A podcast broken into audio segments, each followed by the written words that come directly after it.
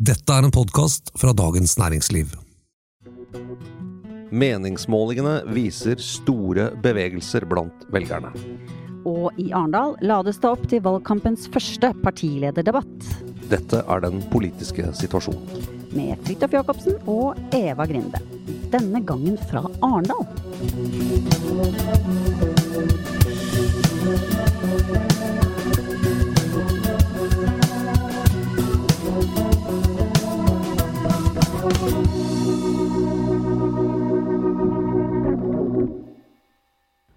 Arendalssituasjonen kan vi nesten kalle det. Ja. Eh, Vi sitter eh, i et hus eh, og ser utover havna i Arendal. Ser ned på den flotte skolen som ligger i sentrum her, og kirken, og skimter NRK-vimpelen i toppen av en eller annen skute. Er det Statsråd Lehmkuhl, tro? Eller Sørlandet, kanskje? En av de. Kan være det. Ja. Ser utover havna og båter og Og det begynner å fylles opp her nede. De kommer i bilene og togene og alt mulig ned hit. Og byen skal jo fylles av rett og slett Arendalsuka. Politikk, næringsliv, organisasjoner. Eh, det er et eh, fire-fem dagers haraball. Eh, både dag og natt, får vi si. Det var faktisk ganske mange her allerede i går. Det var en litt sånn Nærmest magisk, litt småelektrisk stemning, syns jeg, å ane. Det kan jo være det er fordi at jeg syns det er så stas etter halvannet års korona å være et sånt sted som dette her. Skal møte folk, rett og slett. Ikke bare gå tur én og én og to og to. Det er, eh, det er på en måte det politiske kursleppet eh, Ja. som er i gang her.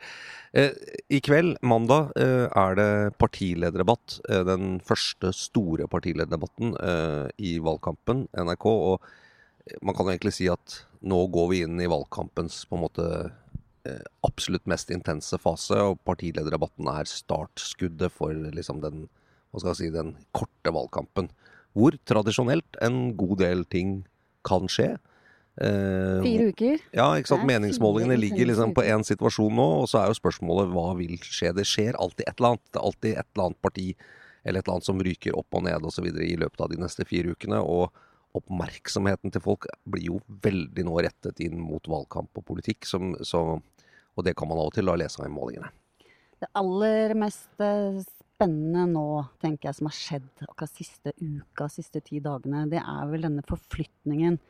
Egentlig så er det, det er jo ikke en sånn forflytning med tanke på om det blir regjeringsskifte. Altså, fortsatt så er liksom vekta på regjeringsskifte, men det er balansen mellom partiene på rød-grønn side, ikke sant? Eh, I favør av de eh, rødeste partiene Mm. eh, og i disfavør av Senterpartiet. Mm. Det er eh, Det er interessant.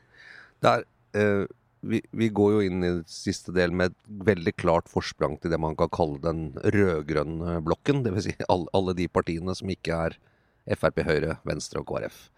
Eh, Både i stemmetall, prosent og mandater så har de et veldig stort forsprang, eh, ifølge målingene. og det vil være oppsiktsvekkende om, om, eh, om, det, om det forspranget er Mm. mulig å ta igjen, tror jeg. Eh, Da, da vil målingene tror jeg vært ganske litt på jordet, kanskje. Det er de fleste enige om. Og så, og så legger man ofte til liksom sånn Ja, men altså, vi trodde jo ikke brexit, og vi trodde jo ikke Trump, og vi Ikke sant. Det er et eller annet med Man har den der litt grann i bakhodet. Men, men likevel, det er veldig sånn klar tendens eh, i alle målinger de siste månedene, altså. Alltid en spennende tid når eh, eh, samfunnet kommer litt i gang igjen etter sommerferien, og man ser at skjer det et eller annet eh, som gjør at situasjonen sånn slik den var før sommeren, eh, ser annerledes ut nå. Det, det pekte jo du på. Man, man ser at Senterpartiet på noen målinger, og, men også litt sånn på snittene, begynner å matte litt av. Eh, Arbeiderpartiet styrker, har styrket seg noe, har liksom hatt en svakt positiv trend. Men den store bevegelsen har vært at det ser ut som oppslutningen rundt Rødt, SV og MDG er i ferd med å bli større og større. Jeg tenker at det kanskje er sånn eh, Når det gjelder virkelige hendelser i det virkelige liv, så er det kanskje to ting som bidrar til det også. Det ene er at vi begynner å få en slags kontroll på koronakrisen. Sånn at den, den begynner nå å liksom bli dyttet litt bak i bevisstheten eh, hos folk. Så det står ikke liksom sånn rett foran og er det eneste vi bryr oss om hva, hva skjer med reglene denne uka, liksom.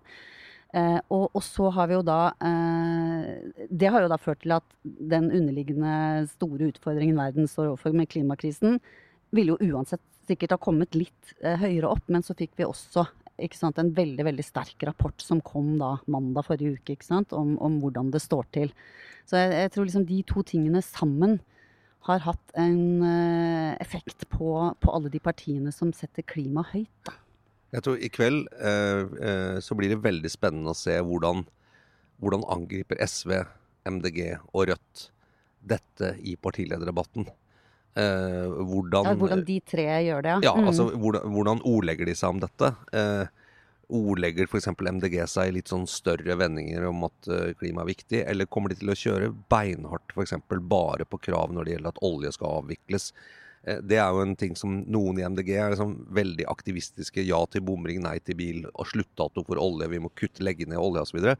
Andre er litt mer sånn uh, dette er det viktigste saken. Ordlegger seg noe mer, kan man si, rundt og litt mer stort.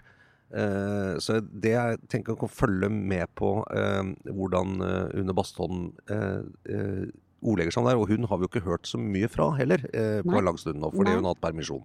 Ja. Ikke sant. og hun har kanskje en litt annen stil enn et par andre fremtredende MDG-politikere. Altså litt roligere. Og så er det jo kanskje det også er en mulighet for, hvis du ser MDG styrker seg, at de at det vil øke sjansen for en litt mer, hva skal vi si ansvarlig type politikk, og ikke bare en sånn protestpolitikk. Mm. Eller protestretorikk. Mm. Eh, for det er jo eh, Altså, MDG har mange gode poenger, men jeg tror noe av problemet deres ligger også i form mm. og måten de snakker på.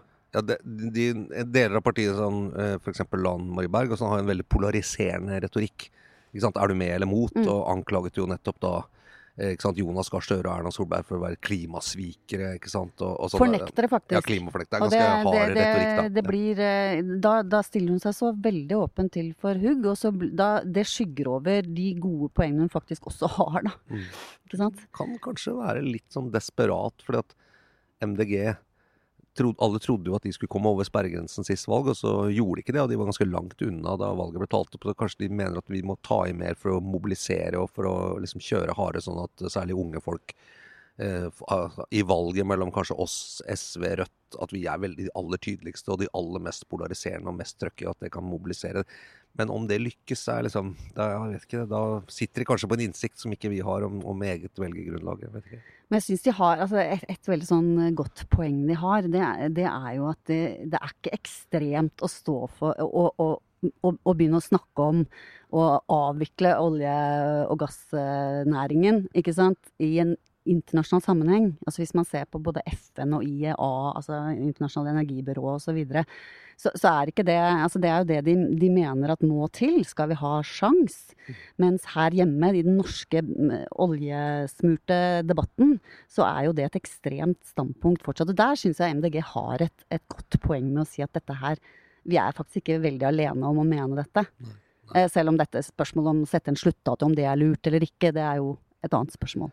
Og så har du Rødt, som jo, slik det ser ut nå, har sett ut en lang stund, ligger an til å kanskje bli dette valgets store politiske sensasjon. At et parti som var eh, bare for åtte år siden eh, nærmest skadeskutt, både internt og eksternt, og slepte på en veldig brysom fortid og mye sånn museumsvokter osv., så har litt sånn i det stille fornyet seg. Fornyet hele laget. Det er en helt ny generasjon, og som jeg tror ikke lenger forknipper knippes så mye med liksom de mørke kapitlene fra AKP. Særlig hos en del unge velgere som aldri har hatt noe særlig forhold til at det fantes kommunisme og kommunistiske diktaturer. Og de, de ligger jo støtt og solid an til å gjøre et brakvalg, får man si, for et lite parti. Eh, og det, det er Det er jo kanskje litt underdekket. Og veldig bra blant unge eh, vel. Mm. Altså både Rødt og SV. Eh, hvis førstegangsvelgerne skulle bestemme utfallet av valget, så hadde SV blitt landets største parti. Det er ganske interessant.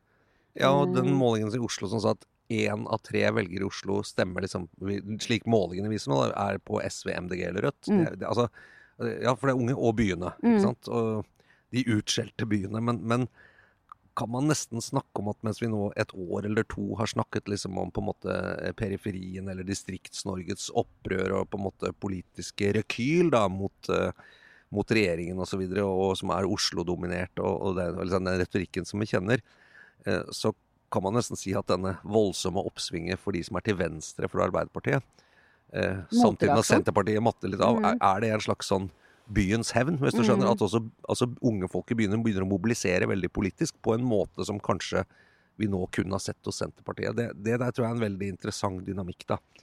Og vanskelig for Arbeiderpartiet, selvfølgelig, som, som, eventuelt da må sitte og balansere disse to sidene som, eh, som, eh, i, i, som sjef i en regjering. Da. Jeg tenker også at denne utviklingen, altså hele spørsmålet sant, om Senterpartiet vil ta med seg SV eller ikke, eh, det blir vanskeligere og vanskeligere for Vedum tenker jeg, å avvise SV hvis denne utviklingen her fortsetter på meningsmålingene. ikke sant? SV styrker seg. Du, du kan liksom ikke eh, Det jo, det er jo ikke så lenge siden man snakket om at eh, Sp og Ap ikke var så veldig langt unna et flert, rent flertall, ikke sant? men det er de jo stadig lenger unna nå. Så, men vi vet jo ikke om det fortsetter i den retningen, men uh... Nei, for det, det, der er jo litt sånn en nøtt for Senterpartiet. For du kan si at uh, hvis en mindretallsregjering med Arbeiderpartiet og Senterpartiet som da skal hente støtte fra f.eks. SV da, i budsjetter osv. Hvis du da har en venstreside med de tre partiene, SV, MDG og Rødt, som på en måte kan gå sammen og komme med krav i budsjetter og i politikk og som en del av det flertallet, så vil de kunne være mye mer aggressive, mye mer krevende, altså en mye farligere opposisjon enn at kanskje for Senterpartiet, hvis de er opptatt av å få minst mulig av den politikken, så vil det kanskje være lurt å liksom splitte den treenigheten og ta SV inn i regjering for å på en måte ha litt mer eh, At man får snakket sammen med litt ting, at ikke alt skjer på Stortinget, at ikke alt skjer i forhandlingene, at man har en sånn sankvem. Så det, det der er jo en vurdering som Vedum må gjøre. at hva, hva, er det som vil tjene hans politiske mål best når den parlamentariske situasjonen faktisk foreligger? Og hvis da Senterpartiet er mindre enn det man trodde, og den andre siden er større, så kan hende det med å utestenge SV kanskje ikke Nei. er så attraktivt for han likevel. Nei, ikke så attraktivt, og ikke så lett sånn maktpolitisk heller, ikke sant. Altså, de får jo en større Det er jo, det er jo litt kjøttvekt spørsmål her. Så Altså spente tonen mellom Vedum og Lysbakken. MDG og Rødt er liksom Men tonen mellom Kommer de til å angripe hverandre? Kommer, altså den, altså mm. Vi følger med litt ekstra og ser hvordan er dynamikken mellom Vedum og Lysbakken i den uh, salen eh, eller I dag, den debatten i kveld. I kveld, ja. ja. Men det, det, skal jo lytterne av denne podkasten få høre, hvordan det gikk. Ja, ja, ja vi må Vi snakker om det i morgen. Ja, vi skal jo ha episoder her hver dag, vel? Ja, vi får prøve å fortelle hva vi har sett og hørt da, ja. underveis. Vi, ikke være noen sånn eksklusiv innom, klubb denne, dette her er Arendalsuka? Nei, vi, vi, er her for å dele. på jobb. Hey, I'm Ryan Reynolds. At Mint Mobile, we like to do the opposite of what Big Wireless does. They charge you a lot, we charge you a little. So naturally, when they announced they'd be raising their prices due to inflation, we decided to deflate our prices due to not hating you. That's right. We're cutting the price of Mint Unlimited from $30 a month to just $15 a month. Give it a try at mintmobile.com slash switch. $45 upfront for three months plus taxes and fees. Promote for new customers for limited time. Unlimited more than 40 gigabytes per month. Slows. Full terms at mintmobile.com. Uh, litt på blå eller borgerlig side, yeah. Eva. Hva, hvordan, hva tenker du om Er det noe du har merka deg der som Altså, eh, sist jeg hørte Erna Solberg, så forsnakket hun seg jo altså liksom til, til de to motstanderne sine. Var den der, der de var tre stykker. At eh, når dere kommer og inntar regjeringskontorene? Det er en sånn eh, Det er en følelse av at det, er ikke, det, er ikke, der spenningen ligger. At de har på en måte De kan jo ikke si det, men jeg tror ikke de regner med å, og dra i land noe seier nå. Altså. At de også? At de er litt prega av det. Uh, og Frp sliter jo også, greier ikke ja, det, Men det er jo spennende å se om hva slags posisjon uh, Listhaug f.eks. prøver å ta nå i denne debatten. Hva tror du? Hva forventer du fra Frp? Nei, altså eh, det, En partilederdebatt hvor jo ofte se, altså seerne som ser på NRKs partilederdebatter, er ofte kanskje i den modnere delen av befolkningen. Det er ikke så mange unge som ser på det, Det lineært osv. Og det tenker sikkert disse partilederne på. Ja, og, det, og da allerede der er jo liksom det at den det er en gruppe som Frp eh, satser på. Eldre. Det Mm. er jo, og de har mye politikk på det. Eldrepolitikk osv. Så, videre. så så jeg vil, jeg vil tro at vi av Listhaug vil se eh, Ja, det er et bra tips. ja, en ganske sånn aggressiv holdning. ja. En, eh, en uavhengig holdning. Eh, Noe av dette vi har sett med sikkert utfordringer til MDG. Så vil jeg tro at det blir et hardkjør mot Senterpartiet, for de slåss jo om mange velgere. Frp har mistet mange velgere til Senterpartiet, selv om det begynner å stabilisere seg litt mer. Så, så vil vi nok se et kjør der. Tjener. Frp mye på å gå i strupen på Senterpartiet, jeg tror. Nei, men det blir sånn eh, Hvis du eh, for eksempel er opptatt av bil, så er vi et mye bedre parti Ja, og sant, vi er- mer troverdig enn han. Vi er enda mer Ja. Senterpartiet enn? Senterpartiet. Ja, på- på en del sånne de å saker. Ja.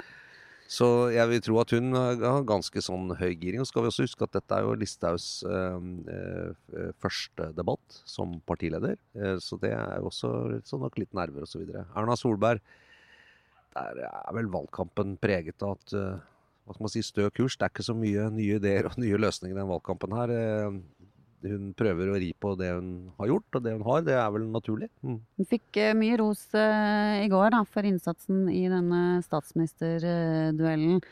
Bl.a. for å være veldig god for for, i sitt forsvar av politireformen. Mm. Og det er en av egentlig Vedums paradegrener hvor han eh, kom mer til kort. Da. Sånn at hun eh, ja.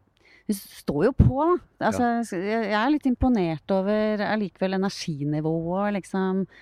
Eh, ja, hun har jo ikke liksom backa ut, det er ikke det. Men jeg tror ikke at hun innerst inne tror det er noe sjans. Det tror jeg ikke. Nei, selv om Høyre ikke lenger er et kalkulatorparti, så kan det jo fortsatt regne. Ikke sant? Det er noe med Ja. det. Men eh, nei, det, jeg, jeg, jeg tror ikke det liksom blir så overraskende der. Men det, på en eller annen måte så har jo da Erna Solberg og Høyre og i og for seg den borgerlige blokken klart å havne i en slags utfordrerposisjon i denne valgkampen. Altså de, de er på en måte Ja, eh, Ikke sant? Og det, det, liksom klar. det kan kanskje være litt mer eh, frigjørende for noen å si at ok, eh, slik det ser ut nå, så, så er det vi som utfordrer. Altså fordi at eh, ikke sant, de andre har så mye forsprang og sånn, og da, da kan man kanskje stå litt friere. Da. Eh, det er ikke nødvendigvis noe dårlig posisjon å være i, men det er jo ikke gitt at man, at man kommer inn i mål uansett. Men jeg tror liksom i løpet av en ja, ti, fem, ti dager da, etter denne debatten, så er det veldig spennende å se hvor meningsmålingene går. For det er ofte litt forsinkelse for, når du virkelig begynner å se på målingene om noe har skjedd.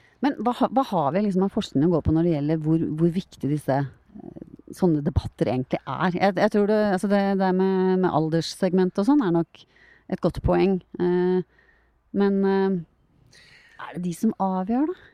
Det, det der er jo vanskelig, for det kan jo være så ufattelig mange grunner eh, til å bestemme seg for et parti. Men det, men det er vel relativt liksom etablert at den debatten i 2017, da, da Jonas Gahr Støre var ganske seierssikker og, og oppførte seg på en måte kanskje mange oppfattet at han var litt nedlatende eller, eller, eh, eller ufin med Erna Solberg. At det Det var der alle kommentatorene syntes han vant, mens folket syntes at eh, det var ufint. Ja, for jeg var jo med seg selv og syntes han var aggressiv, og han var på, han var veldig klartalt, Mm. og det var liksom ikke så mye tåke. Det, det var veldig sånn på, utfordrende og, og litt friskt, ikke sant? Og tenkte her, og han hadde gode poenger og var retorisk sterk og vant mange dueller og sånn.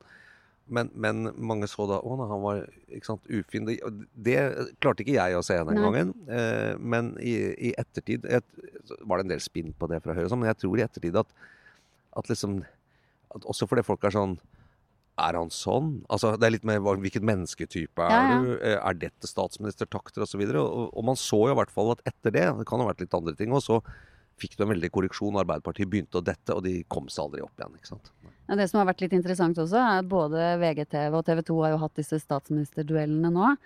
Eh, og, og begge to har i etterkant liksom eh, lagt ut Det er uformelt da selvfølgelig, men hva med folk flest? Hvem, hvem syns folket vant?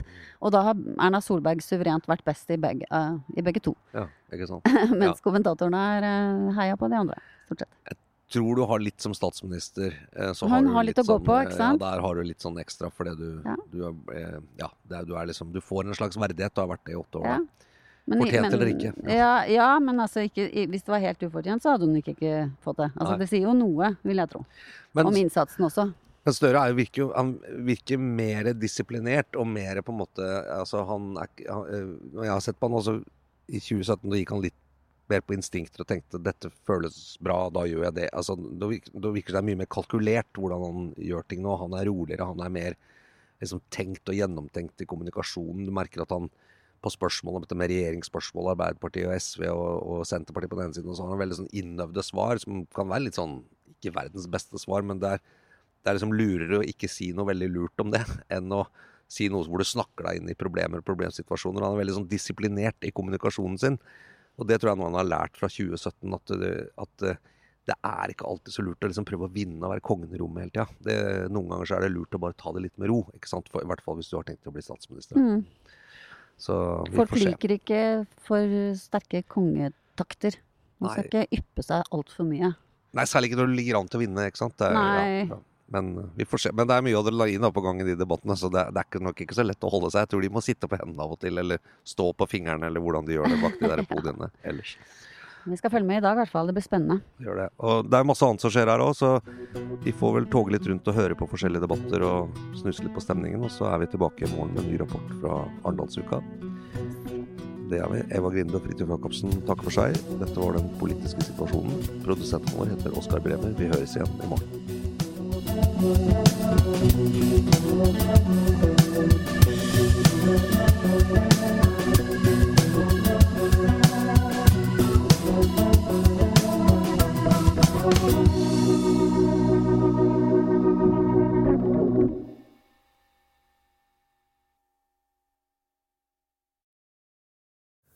har nå hørt en podkast fra Dagens Næringsliv.